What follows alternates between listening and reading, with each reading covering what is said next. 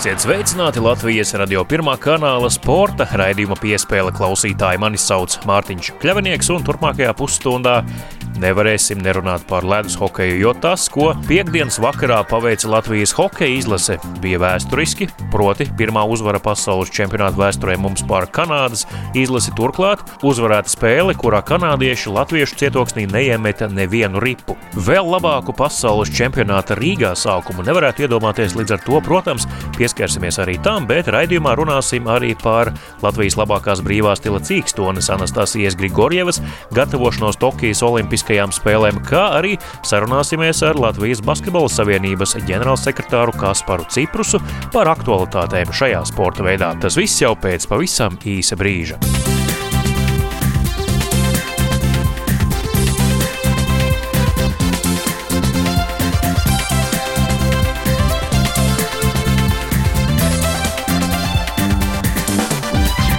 Latvijas hokeja izlase piekdienas vakarā pārsteidza visu pasauli, uzvarot sporta veida dzimtenes Kanādas komandu. Pasaules čempionāts savās mājās uzsākts ar panākumu 2-0.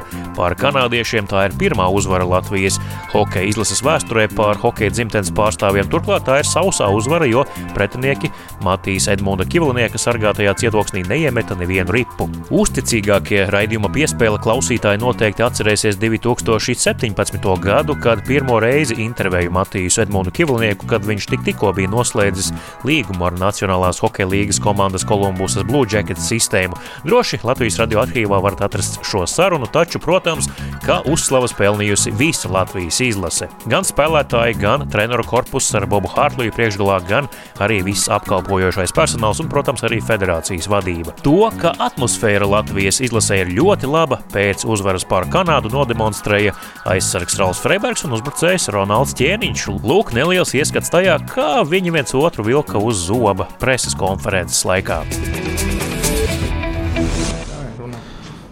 Tev patīk runāt, Ralfi? Uh, nē, nu, mēs gatavojamies spēlē.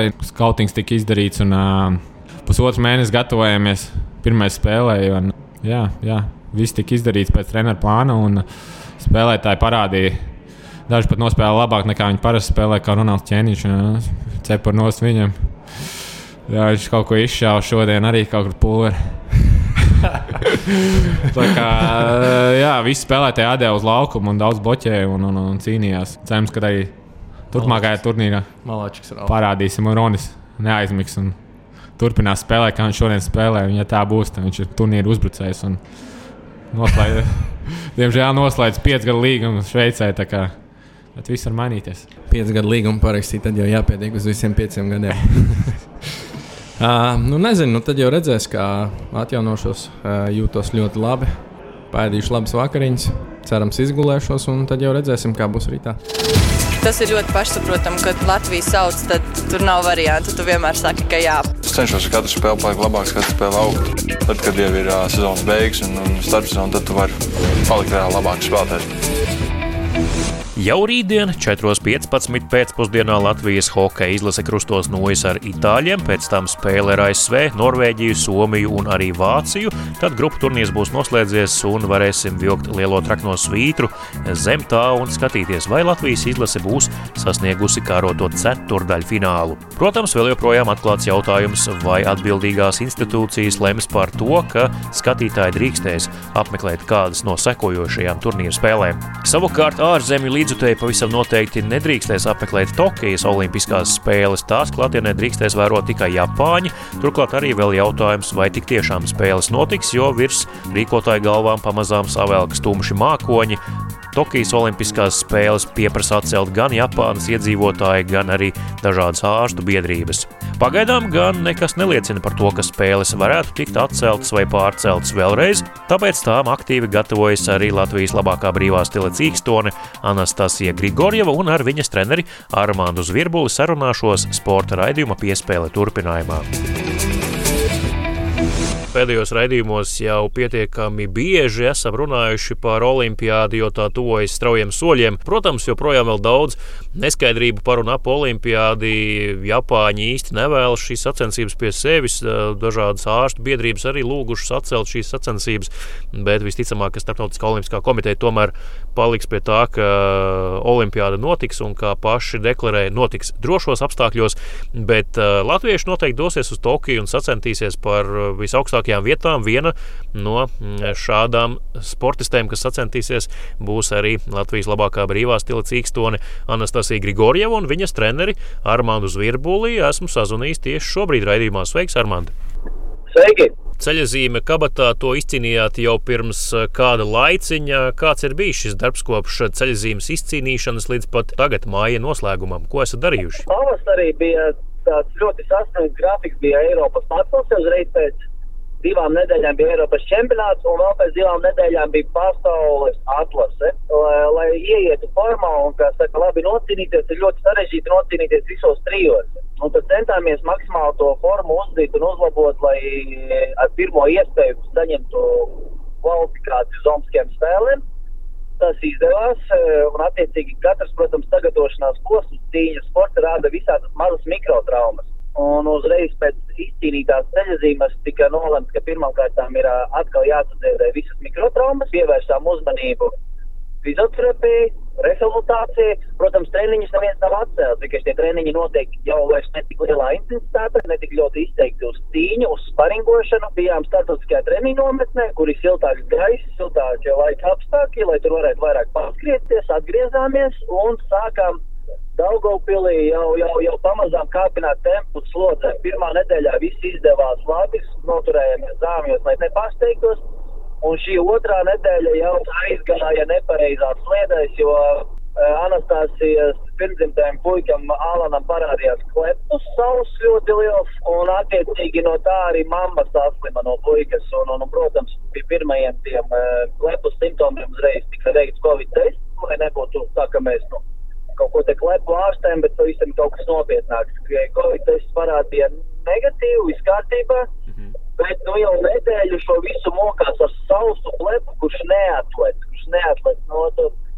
Un tā attiecīgi arī tā, tā otrā nedēļa, kur jau bija domāts pielikt slodzi klāts, mums atkal nobremzēja. Pār, pārgājām atkal uz vieglu fizioterapiju, lai organisms mazliet ataupojas, atkustās. Un svētdien dodamies uz Tallinu, kur atbrauc vairākas starptautisko izlašu spēcīgākās meitenes, un tas jau bija tāds uh, viens no tādiem svarīgākiem sparingiem sagatavošanas posmiem. Mēs tur būsim, mēs tur, tur atradīsimies, bet vai mēs tur, tur slēgsimies iekšā uz pilnu slodzi, to veselība parādīs tieši klepus. Nebūs gudri iet pilnā slodzē ar, ar klepus, kurš tev neatlec un tevi neļauj, neļauj ne gulēt, ne izgulēties, pat arī mierīgi patrenēties. Kad klepo šajos laikos, visi jau tevi skatās kā uz Covid slimnieks. Ļoti labi atceros eh, Rio Olimpiskās spēles, nu jau gandrīz pirms pieciem gadiem, un tās Anastasijas asaras pēc zaudējuma, kad tie sapņi par medaļu izplēnēja. Viņa pati tagad intervijās ir teikusi, ka viņa tik ļoti par to nedomā un varbūt eh, nekoncentrējas, bet skaidrs, ka strādā pietiekami smagi. Jūs savā iekšienē esat definējuši tādu mērķi, ka nu gribas medaļu, vai tas visiem ir galvās un skaļi neizskan tādās sarunās. Kā ir? Pareizi pateikt, tādās ska, skaļās sarunās eh, neizskan, bet likums sportistam un cīkstonim ir viens, uz kurām sacensībām tu dodies, tu brauc pēc zelta mērķis jau nav, kur nav pazudis. Olimpiskais zelts, tas jau tas ir katram cīkstonim ir bijis sapnis. Un katram trenerim ir bijis, lai viņa audzēknis jūtas pa olimpisko čempionu. Vienīgais tas tās anastāsies, tas psiholoģiskais viņa redzēja, ar paliek vairāk emocionāli spēcīgāka, un viņa varbūt ar to, to mēģina apiet to psiholoģisko noslogojumu, ka, nu, es braukšu kā uz sacensībām, es nedomāšu par to medaļu, Jo viņa saka, divreiz jau braucat domājot par medaļu, un tā varbūt sādega vai nesenāta. Mm -hmm. Un beigās medaļās saņem tās meitenes, kuras, kuras viņa visu dzīvi ir uzvarējušas. Un, un, beigās tas tā, tas kā negodpriecības princips, un es jau arī saku, mums kā spēles, tas ir, tas ir cīs savādākas sacensības. Pie viņiem jāpiet mazliet savādāk. Jo tur tas četru gadu tas gaidīšanas posms ļoti daudz tos favorītus nodedzina. Nodedzina to, ka visi no viņiem gaida, visi no viņiem prasa. Te arī viens no šī gada mērķiem, Anastasija, ja nemaldos, pirms mēneša ielika postu Facebookā un Instagramā, ka viņi pilnībā pārtrauc uh, komunikāciju ar žurnālistiem, jo kā tuvojas spēles, tā uzreiz intervijas, fotografēšanās. Viņa saka, man tā ar puiku ir grūti atbrīvot to laiku, lai patrenēties. Ja es vēl atnāku uz treniņu, man tur jārunā, jāgaida viņi, jāstāsta, kur ir ieeja. Saka, katrs treniņš ir svarīgs. No, nu, tagad pilnībā uz mani tās līnijas ir aizmestas, mm -hmm. ka es esmu ar visiem kontaktējās, stāstu, kā mums iet. Un tad viņa tā kā pilnībā novēršās, kad viņai ir brīvs laiks pavadīt ar dēlu, kad nav, tad viņa trenējās. Mm. Lai nav tur tās liekās liekās darbības. Tu jau teici par to, ka mm, brauc uz Londonu, gribēja medaļu, brauc uz Rio, gribēja medaļu, nesanāca, un tad varbūt to četru gadu posmā kā favorīti kaut kur arī sadega. Dēla piedzimšana varbūt viņa ir kaut kā mainījusi, kā tu no malas redzi.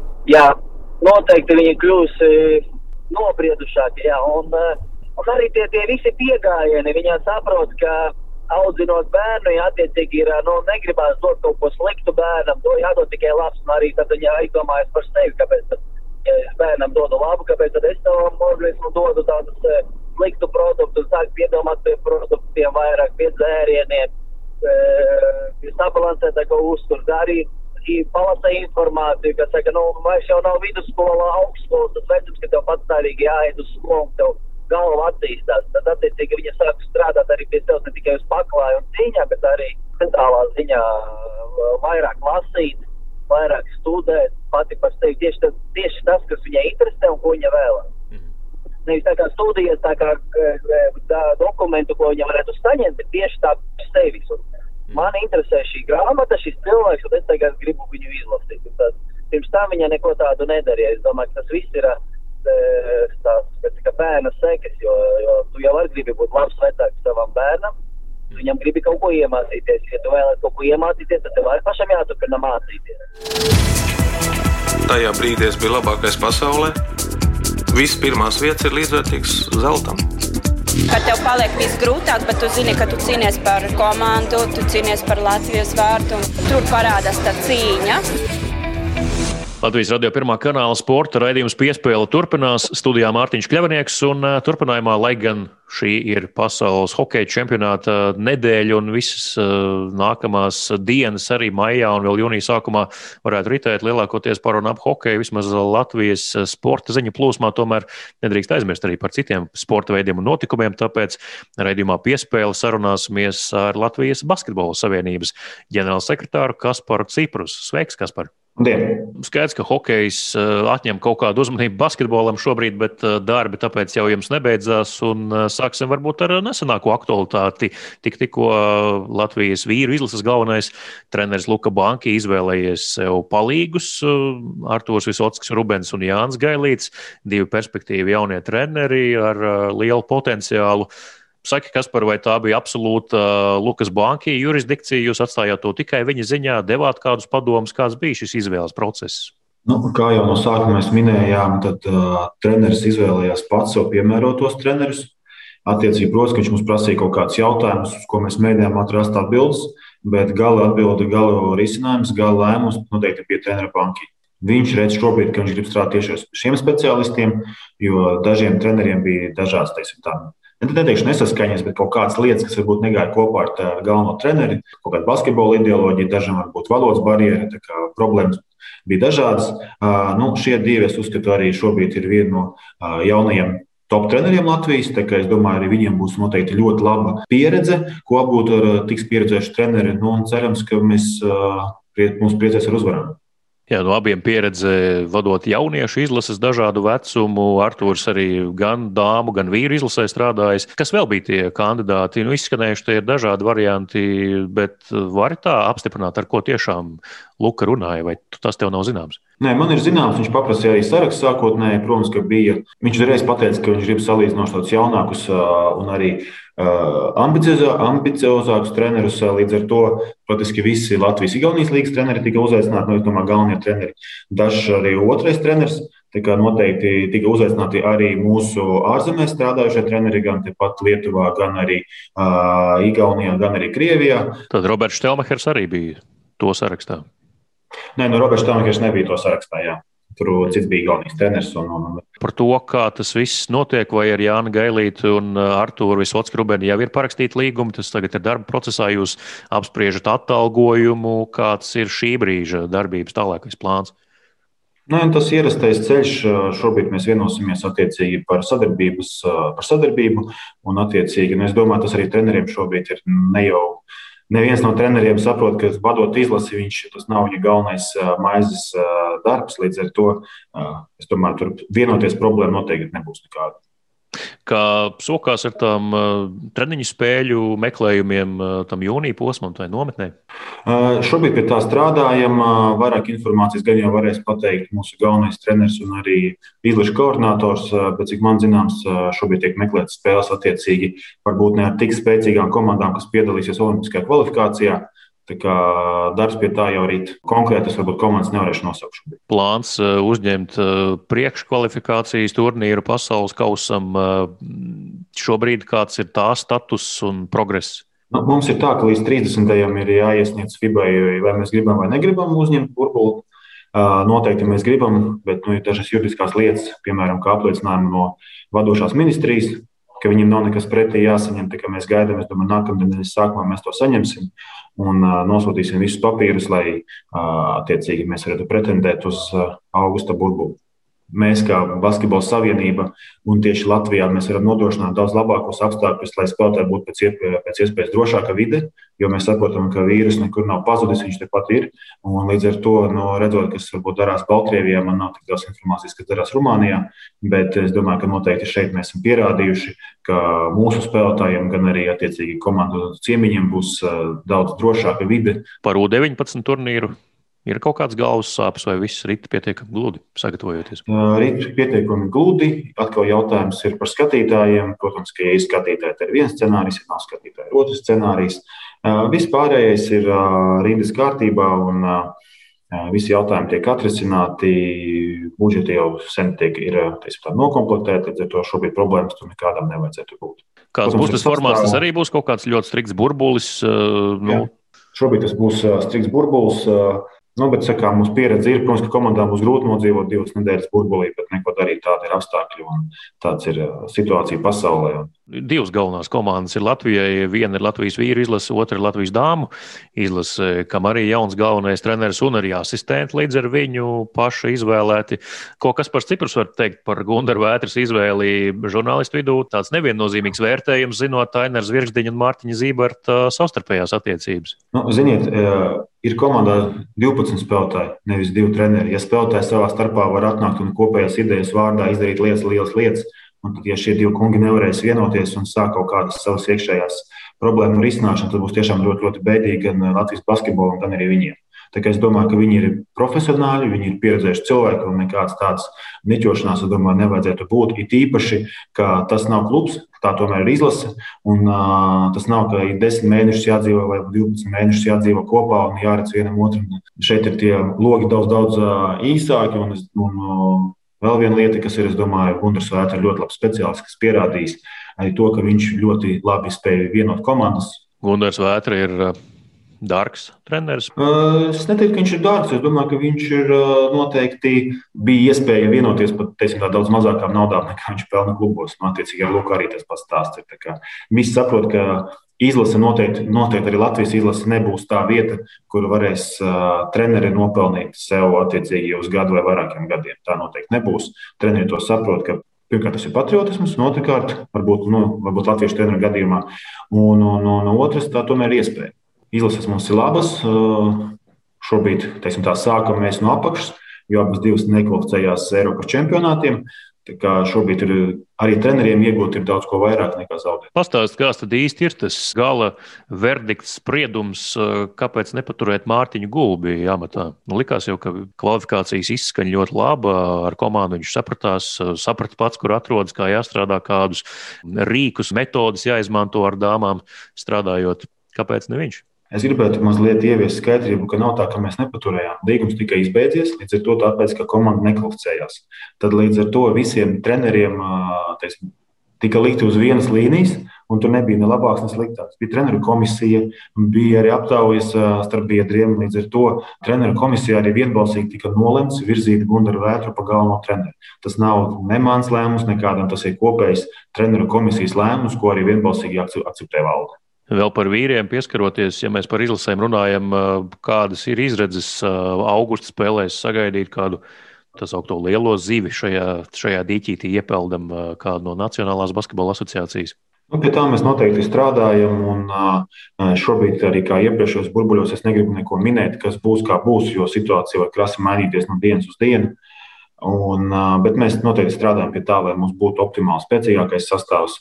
Un jau dažs labs spēlētājs arī aiz okeāna izrādīja interesi piedalīties jau jūnijā, tajos brīvajos treniņos. Mēs strādājam pie tā, mēģināsim atrast kopsaucēju nu, un pēc iespējas labāko sastāvu nokomplektēt uz augustu. Tieši jautājums tev, kāda ir komunikācija Basketbola Savienības vadībā ar Kristapa Porziņu? Nu, tā ikdienā jūs komunicējat vispār, cik bieži varbūt? Nu, mums šobrīd ir baigais pluss, ir tāds, ka mums ir ļoti, ļoti aktīvs galvenais treneris. Un pagaidām viņš ir bez darba klubā. Tas, tas darba apjoms, ko viņš dara, tas ir tiešām liels. Viņš komunicē ar visiem spēlētājiem. Man liekas, ka Emīlam jau, kas mūsu izlaša koordinators ar savām idejām, rītīgi uzskata uz nerviem, jo tās idejas ir tiešām daudz un, un interesants, un mēs mēģinām to visu īstenot dzīvē. Uh, viņš ir galvenais tas, kas uh, komunicē ar spēlētājiem, jo es neredzu baigo starpību, kāpēc kādam no vadības būtu jākomunicē ar spēlētājiem, un pēc tam jākomunicē atkal ar treneri. Ja viņiem savā starpā ir ļoti laba komunikācija, lai vienkārši neveidojas klusie telefoni, ka kaut kas kaut ko ne to saprat. Protams, visus jautājumus, kas ir ārpus spēlēšanas, to mēs komunicējam ar aģentiem, ja gadījumā tāda ir, un mēģinām atrast kopējo valodu tam, lai tiešām spēlētāji būtu apmierināti un arī lai viņi piedalītos arī gan treniņu procesā, gan arī spēlēs nu, zinot to naudas apjomu, ko pelna gan Kristaps, gan Dāvis šobrīd uh, Nacionālajā basketbola asociācijā, tas uh, varētu arī iesist pa kabatu basketbola savienībai krietni vien, lai piesaistītu šos spēlētājus un viņus apdrošinātu. Nē, nu noteikti. Līdz ar to tāpēc mēs arī strādājam pie tā, gribam saprast arī spēlētāju nostāju. Viennozīmīgi, ka Kristap būs grūtāk piesaistīt. Dāvis arī pats izrāda ļoti lielu interesi spēlēšanai augustā. Es domāju, mēs atradīsim kopsaucēju. Ja būs, protams, iespēja, ja visi būs veseli, un, un to es arī novēlu spēlētājiem, jo pats galvenais, lai būtu veseli. Kas par tik tālu par izlasēm, par Latvijas čempionātu? Tas nesen noslēdzies, VF Rīga triumfēja, nu, intrigas nebija. Ko tu vari teikt par Latvijas līgu, Latvijas-Igaunijas līgu un arī Latvijas līgu? Seši Latvijas klubi spēlēja arī Igaunijā. Nu, gaužām bēdīgs Latvijas čempionāts izskatās arī līmeņa ziņā, salīdzinoši ar, ar gadiem iepriekš, kaut vai pieciem, četriem. Ko tu domā, ko tās lietas labā vispār var darīt Latvijas Basketbola Savienība? Vai jums ir vispār kaut kādi instrumenti jūsu rokās, ko jūs varat darīt? Es negribu teikt, ka līmenis ir bijis švaks. Nu, ja tā pastāmies pēc iepriekšējās krīzes līmenis bija vēl švakāks. Es domāju, ka galvenā problēma bija tā nevis līmeņa starpība, bet attiecīgi konkurences neizsnība starp pirmo klubu un, un pārējiem. Protams, tur bija kaut kādi zaudējumi, ko arī cieta Vēfs, bet tas bija vairāk saistīts, manuprāt, nevis teiksim, tā, viņa sastāvā, bet tas, ka gan Covid, gan arī ārēji apstākļi iespaidoja komandu. Bet, nu jā, protams, ka mums kaut kādas vīzijas ir, bet jāsaprot to, ka, piemēram, 5. jūnijā būs pašvaldību vēlēšanas. No tā daudz kas atkarīgs, jo lielākais finansētājs tomēr klubiem bija, ir un paliek pašvaldības. Latvijā tas modelis varbūt vēl tik ļoti nav attīstīts, ka sponsori ļoti sametās un uztaisīs kauniecisku sastāvu. Tāpēc nu, mums ļoti jāgaida, kāds būs pašvaldību vēlēšanu rezultāti. Ir dažas idejas, ko mēs varētu piesaistīt kādus klubus, bet nu, mēs jau varam arī čīkstēt, teikt, ka viss ir bijis slikti. Bet es domāju, ka, ja būtu, nebūtu tāda epidemiskā situācija, mēs spēlētu ar Igauniem, būtu tas komandu skaits daudz plašāks, spēles būtu interesantākas. Nu, mums ir jāsaka, Mums ir jāpriecājas, ka mēs vispār varējām aizvadīt. Daudz čempionāti tika apstādināti, mūsu čempionāts ne uz brīdi netika apstādināts. Līdz ar to nu, tā situācija bija tāda, bija tāda, kāda ir. Mums jāpielāgojas piesošās situācijas un vienkārši jāstāsta, ko mēs varam darīt turpmāk. Protams, ka ļoti, ļoti grūti plānot kaut ko, jo, jo kā mēs redzam, te izmaiņas notiek no dienas uz dienu. Un, ja, piemēram, pirms diviem gadiem mēs plānojam vienu vīziju, tad tagad jāsaprot, ka tā vīzija galīgi neies cauri un jādomā kaut kas savādāk. Bet uh, mēs pie tā strādājam, mums ir ļoti aktīvi klubi, kas arī iesaistās tās runas, kas tik pa laikam izskan, ka lietuviešiem ir kaut kāda interese atkal veidot Baltijas līgu, cik tās ir reālas un pamatotas, un vai tām ir kāds sagums, vai tās tikai baumas? Jā, lietuviešiem bija interese. Viņi nāca pie mums ar ideju, ka mēs gribam ar jums spēlēt. Bet uh, tas bija arī viss. Nenāca ne ar kopējo vīziju, ne ar kaut kādu naudu. Vienkārši tas, ka grib spēlēt, no tā tas mūsdienās arī nenotiek, jo, protams, ka viss atstās pēc finansējumu. Un galvenais aspekts uh, būtu tas, ka viņu vadošie divi, trīs klubi nemaz nepiedalītos šajā čempionātā, piedalītos tikai mūsu labākie klubi un viņi, teiksim, tā otrās raudas komandas. Kas īstenībā arī nebūtu slikti. Uh, bet tajā pašā laikā mums ir uh, jau izveidojusies laba sadarbība ar Igauniju, jo pie šī gada modeļa, kā bija attiecīgi ar Covid, un arī mēs ar Lietuvu nebūtu spēlējuši. Tā kā kāda starpība, kā tā līga būtu Latvijas-Igaunijas vai Latvijas-Igaunijas-Lietuvas līga, mēs tāpat būtu spēlējuši tikai savā starpā.